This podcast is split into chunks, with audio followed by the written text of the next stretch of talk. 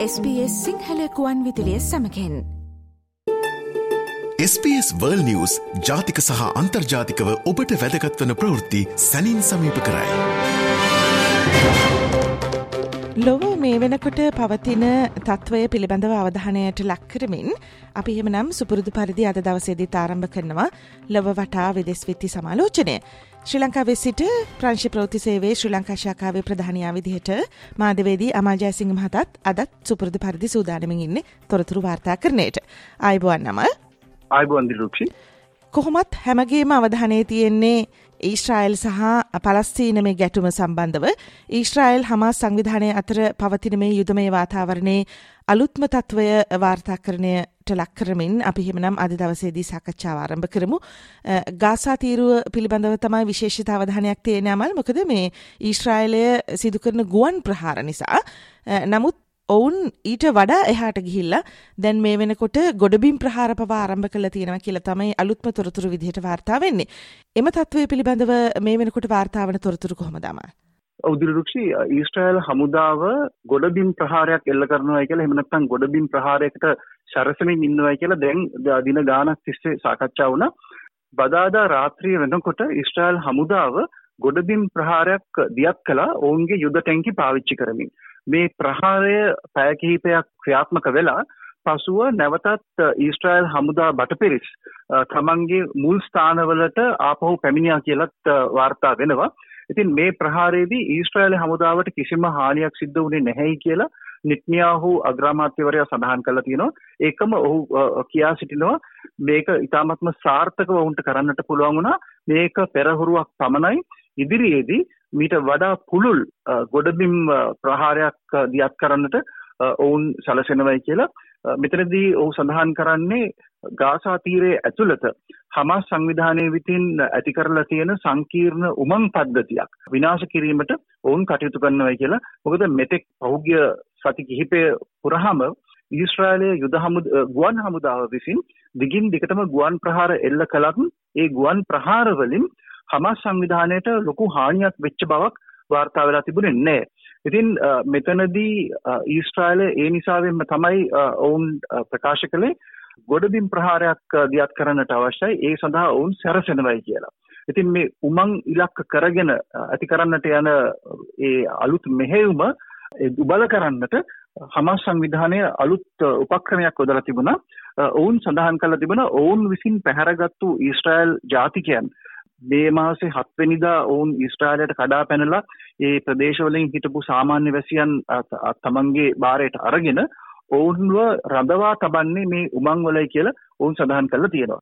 ඉතින් මේ ඊස්ට්‍රායලයේ විසින් කෙටි කාලයක් තුල දියත් කරපු මේ ගොඩබිම් මෙහෙයුමේදී ඒ සමහර උමංවලට ප්‍රහාර එල්ල කිරීම හේතුවෙන් බලෙන් රඳවා සිටින සිරකරුවන් 50 දෙනෙකුට අධික පිරිසක් ජීවිතක්ෂයට පත් වුණා කියලා හමස් සංවිධානයේ සඳහනක් කරලා තියෙනවා. මේක හරිද නැද්ද කියන එක අපිට ජාත්‍යන්තර මාධ්‍යයට තෝරාගන්න අමාරුයි මොකද මේ දෙපාර්ශවයම මේ එකිනෙකාට විරුද්ධව චෝදනා එල්ල කරනවා ඒ වගේම මේ මරණ සංඛ්‍යාව සම්බන්ධයෙන් ඔවුන් නොයෙකුත් ප්‍රකාශ නිකුත් කරනවා. නමුත් ස්වාධීනව මේ කාරණා පිළිබඳ සොයා හරියටම දැනගන්න විදියක් නැහැ. නමුත් සෑහෙන පිරිසක් මේ පහුගිය දින දෙක ඇතුළතුලත් අහිමි වෙච්ච බව සනාථ කරන්නට පුළුවන්. ජීවිත අහිමුණු සංඛ්‍යාව පිළිබඳව ගනිති දැන් කොයි වගේ මට්ටමකද තියෙන අමල්? ඊශ්‍රායලයේ සහ පලස්තීනයේ දෙපාර්ශවයෙන්ම? මෙතන දිල්දුක්ෂි දැන් මේ ප්‍රහාරය ආරම්භ වෙන ඔක්තෝබර් 4 7 වෙනිදා ඇතිවෙච්ච ප්‍රහාරයෙන් ඊශ්‍රායල් ජාතිකයන් 1400ක් විතර ජීවිතක්ෂයට පත් වුණයි කියලා ඊශ්‍රායල ආණ්ඩුව විසින් ප්‍රකාශ කරලා තියෙනවා. එතකොට දැන් වෙනකොට හමාස් සංවිධානය සඳහන් කරලා තියෙනවා.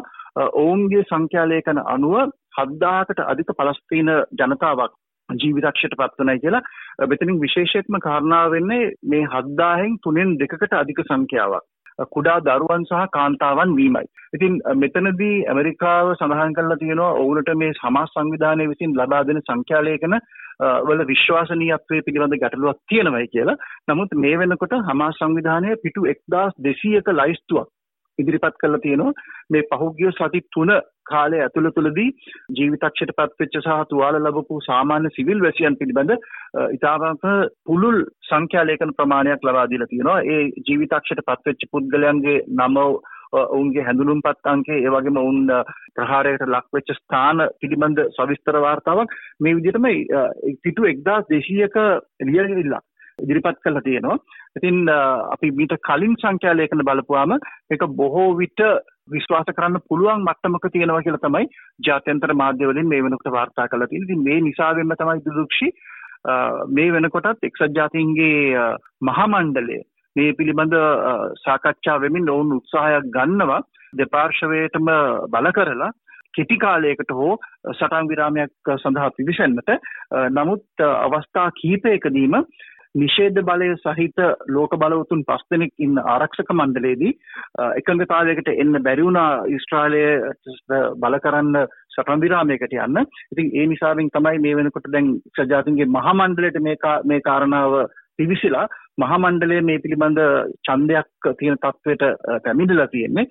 නමුත් එක්සත් ජාතීන්ගේ මහා සම්මේලනයේ සටන් විරාමයක් පිළිබඳ ඊශ්‍රායලයට බල කරන් එය ක්‍රියාත්මක කරන්නට එහෙම නැත්නම් ඒ බලගන්වන්නට මහා මණ්ඩලයට තරම් ශක්තියක් නැහැ. ඒ කාරණාව සිද්ධ වෙන්නට ඕනේ ආරක්ෂක මණ්ඩලයේ නමුත් ආරක්ෂක කවුන්සලය තුළ මේ ගාසා තීරයේ තියෙන අලුත්ම තත්ත්වය පිළිබඳව සමනය කිරීම සම්බන්ධයෙන් කොයි විදිහටද කටයුතු කරන්න ඕනේ කියන එක පිළිබඳව මේ නිෂේධ බලය සහිත ලෝක බලවතුන් පස් දෙනා අතර තවමත් එකඟතාවයක් ඇති වෙලා නැහැ. ඒ අතරතුරේදී අමල් අපිට වාර්තා වෙනවා මේ ගාසා තීරයේ ආපදාවනට ලක් වුණට කෙසේ හෝ සහනාධාරය වීමේ ක්‍රියාවලිය උනන්දු කරන්නට එක්සත් ජාතීන්ගේ සංවිධානයේ විශාල මෙහෙයුමක යෙදී සිටිනවා කියලා.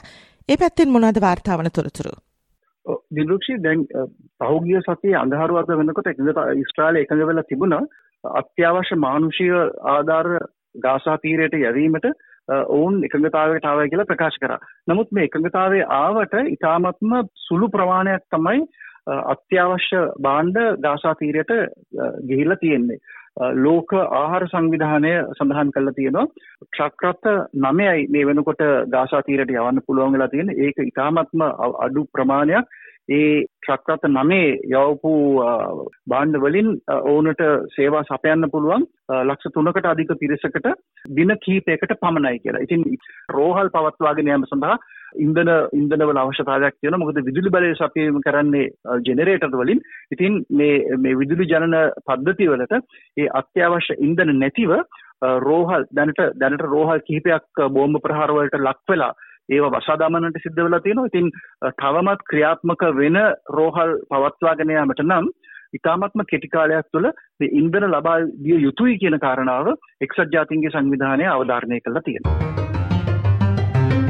සමස්ත ලෝකයේම මීට කලින් කතාබහ වෙමින් සිටියේ සහ දැඩි අවධානයක් යොමු කරලා තිබුණේ රුසියා යුක්්‍රීන මේ යුද මේ වාතාවරණය පිළිබඳව.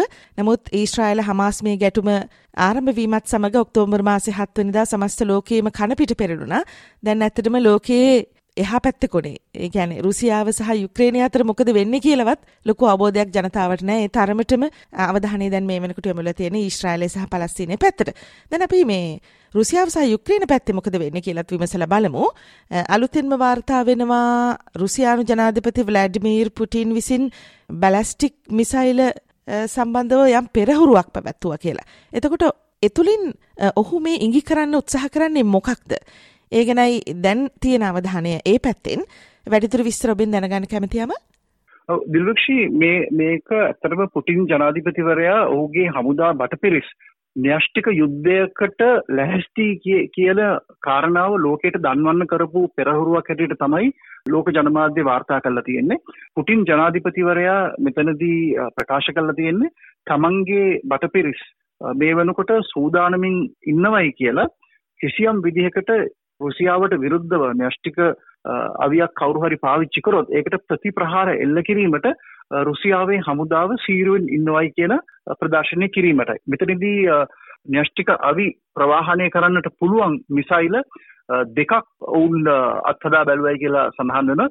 ඉතින් මේක මීට කලින් රුසියාව ඇති කරගත්තු අනිකුත් ලෝකයේ න්‍යෂ්ටික බලවතුන් සමග ඇති කරගත්ත න්‍යෂ්ටික අවි සීමා කිරීමේ ප්‍රඥප්තියට පටහැනිව මේ කාරණාව සිද්ධ වුණයි කියලා තමයි වාර්තා වෙන්නේ. ඉතින් මෙතනදී ප්‍රධානම රුසියාවේ ප්‍රධානම ඉලක්කය වෙලා තියෙන්නේ තමන්ගේ හමුදාව සීරුවෙන් ඉන්නවද නැද්ද කියන කාරණාව පිළිබඳ ඇගේමක් ඇති කරගන්නට ඉතින් මෙතනදී පුටින් ජනාධිපතිවරයා සඳහන් කළා තියෙනවා ඔහු සෑහීමකට පත් වුණයි කියලා තමන්ගේ හමුදාව ඒ අවශ්‍ය ප්‍රමාණයෙන් හරියට සීරුවෙන් ඉන්නවා ඔවුනට කිසියම් පුද්ගල කිසියම් රටක් ඔවුනට තර්ජනය කරනවා නම් එහෙම නැත්නම් ඔවුන්ට ප්‍රහාරයක් එල්ල කරන්න සූදානම් වෙනවා නම් ඒක ඒ න්‍යෂ්ටික බලය පාවිච්චි කරමින් ඒ කාරණාව ව්‍යර්ථ කරන්නට ඔවුන්ට හැකියාව තියෙනවා කියලා ඔහු අවධාරණය කරලා තියෙනවා. ඉතින් මේකේ තවත් වැදගත්කමක් ඇති වෙන්නේ මේ වෙනකොට මේ යුක්‍රේන් යුද්ධය රුසියාව බලාපොරොත්තු වුණාට වඩා වැඩි කාලයක් දිග්ගැස්සීමත් එක්කලා දියක් ඇති වෙලා තිබුණා රුසියාව න්‍යෂ්ටික අවියක් පාවිච්චි කරයිදෝ කියලා යුක්‍රේනය යුක්‍රේනයට එරෙහිව. ඉතින් ඒ වටපිටාවක් තුළ තමයි මේ විදිහට රුසියාව ඒ ප්‍රබල පණිවිඩයක් ලෝක ප්‍රජාවට ලබා දීලා තියෙන්නේ. තමන්ගේ න්‍යෂ්ටික හැකියාව ඒ ආකාරයෙන් තියෙනවා පමණක් නෙමෙයි න්‍යෂ්ටික අවි පාවිච්චි කිරීමට තමන්ට හැකියාවක් තියෙනවා ඒ පිළිබඳව තමන්ගේ හමුදාව නිසි පුහුණුවකින් ඒ නිසි අවධානයෙන් කටයුතු කරනවා කියන කාරණාව. ඇමරිකාවේ සිදුවන හදිසි වෙඩි තැබීම් පිළිබඳව අපිට නිරන්තරයෙන් තොරතුරු හන්නට ලැබෙන මේක මේ අලුත් සිදුවීමක් නෙමේ ඇමරිකාවේ දෛනිකව මේ ආකාරයෙන් කුමන හෝ ප්‍රාන්තයක හෝ ප්‍රදේශයක මේ වගේ වෙඩි තැබීම් බොහෝ දුරට වාර්තා වෙන දවස් තියෙනවා. ඒ අතරතුරින් මේ වසරේ වඩාත් ඛේදනීයම සිදුවීමක් විදිහට ඇමරිකාවේ මේන් කියන ප්‍රාන්තයේ සිදුවුණු වෙඩි තැබීම පිළිබඳව සමස්ත ලෝකයේම මේ ඊයේ සිට කතා බහ වෙන්න පටන් ගත්තා. අමල් මේ සම්බන්ධව තියෙන අලුත් තොරතුරු සහ රජය පැත්තෙන් ඔවුන් මොනවද කියන්නේ කියලා තොරතුරු දැනගන්න කැමති.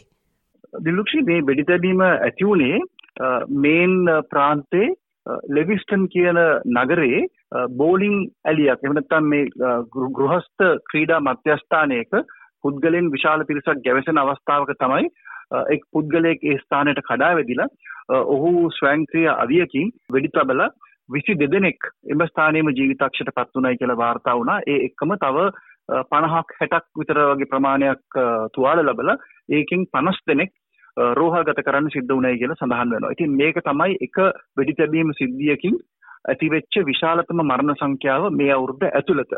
නමුත් දිරුක්ෂය අර මුලින් සඳහන් කළා වගේ මේ වසර වෙනකොට දැනටමත් මේ වගේ වෙඩි තැබීම් සිද්ධීන් ඇමරිකාව පුරාම පන්සියකට අධික ප්‍රමාණයක් වාර්තා වුණයි කියලා සඳහන් වෙනවා. ඉතින් මේ විදිහට මේ වෙඩි තැබීම් සම්බන්ධයෙන් මේකට ප්‍රධානම හේතුව හැටියට හඳුන්වන්නේ ඇමරිකාවේ ව්‍යවස්ථාවෙන් ජනතාවට ලබා දීලා තියෙන අවි ආයුධ තබා ගැනීමට ඒ ලබා දීලා තියෙන අයිතිය නිසා තමයි මේ විදිහට දිගින් දිගටම මේ වෙඩි තැබීම් සිද්ධ වෙන්නේ කියලා වාර්තා වෙලා තියෙනවා.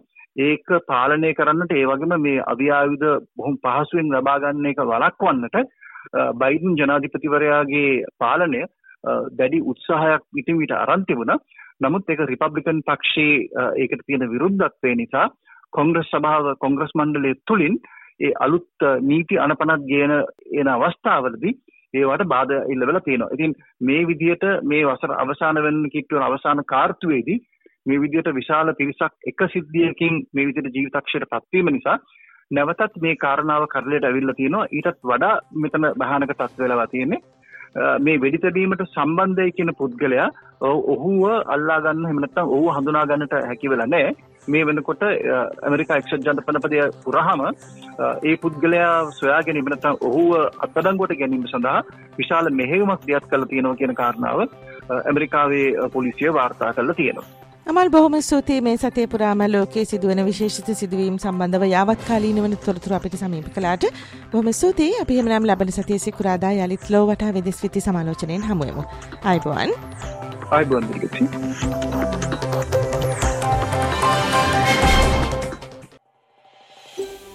මේ වගේ තවත් තොරතුරු දැනගන්න කැමතිද? එහෙමනම් Apple podcast Google podcast Spotify ඔබගේ පොඩ්කාස්ට් ලබාගන්න ඕනෑම මාතයකින් අපට සවන්දය හැකේ.